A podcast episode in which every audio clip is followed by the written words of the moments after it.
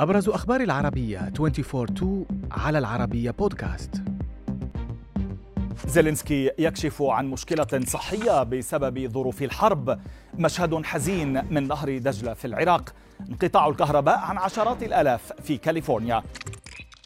بعد عام على الحرب الطاحنة التي تشهدها بلاده كشف الرئيس الأوكراني فولودومير زيلينسكي عن حالة صحية استجدت عليه ولم يكن يعاني منها سابقا. زيلينسكي قال إن بصره تراجع بشكل كبير حتى إنه لم يعد قادرا على قراءة ما هو مكتوب على ملصق كيس الشاي وأصبح يلجأ إلى النظارة للقراءة. عازيا ذلك لكثرة العمل في مكتبه في ظل إنارة سيئة حيث تستدعي الظروف الأمنية ذلك.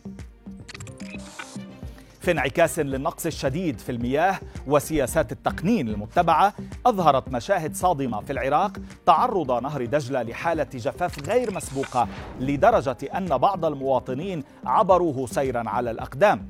وزارة الموارد المائية العراقية حذرت من أن المخزون المائي في البلاد بات على المحك.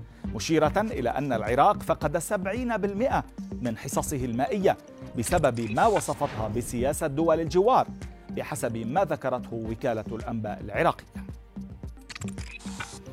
نحو 85 ألف منزل وشركة في منطقة لوس أنجلوس في الولايات المتحدة انقطعت عنها الكهرباء مع استمرار العواصف في ضرب أجزاء من ولاية كاليفورنيا ما أدى إلى تساقط الثلوج وهطول الأمطار.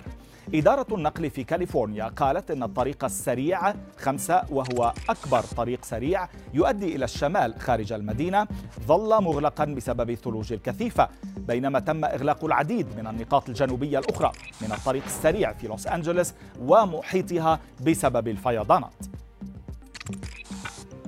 إحصائيات صادمة. أوردتها دراسة بحثية كشفت أن حكام الدوري الإيطالي لكرة القدم يشهرون البطاقات الصفراء والحمراء للاعبين. ذوي البشرة السمراء أكثر من زملائهم. ذوي البشرة الفاتحة بحسب ما نقلت صحيفة The Guardian البريطانية. الدراسة قالت إن الحكام في الدوري الإيطالي الأول احتسبوا أخطاء على اللاعبين ذوي البشرة السمراء بزيادة بلغت 20% كل موسم خلال المدة من عام 2009 إلى 2019 مع زيادة بنسبة 11% في عدد البطاقات الصفراء وبنسبة 16% في عدد البطاقات الحمراء. لكنها أشارت إلى أن هذا التحيز اختفى في فترة كورونا عندما كانت المباريات تقام بدون جمهور. في أول رد رسمي مصري على بيع جواز سفر الرئيس الراحل أنور السادات في مزاد علني بأمريكا أعلنت مكتبة الإسكندرية أنها لم تتسلم جواز السفر من العائلة ضمن مقتنيات الرئيس الراحل. رد مكتبة الإسكندرية جاء بعد أن فاجأت صالة مزادات أمريكية روادها بعرض جواز السفر الدبلوماسي للرئيس المصري الراحل للبيع في مزاد علني.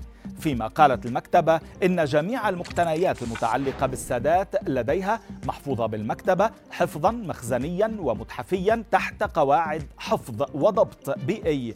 صارمة.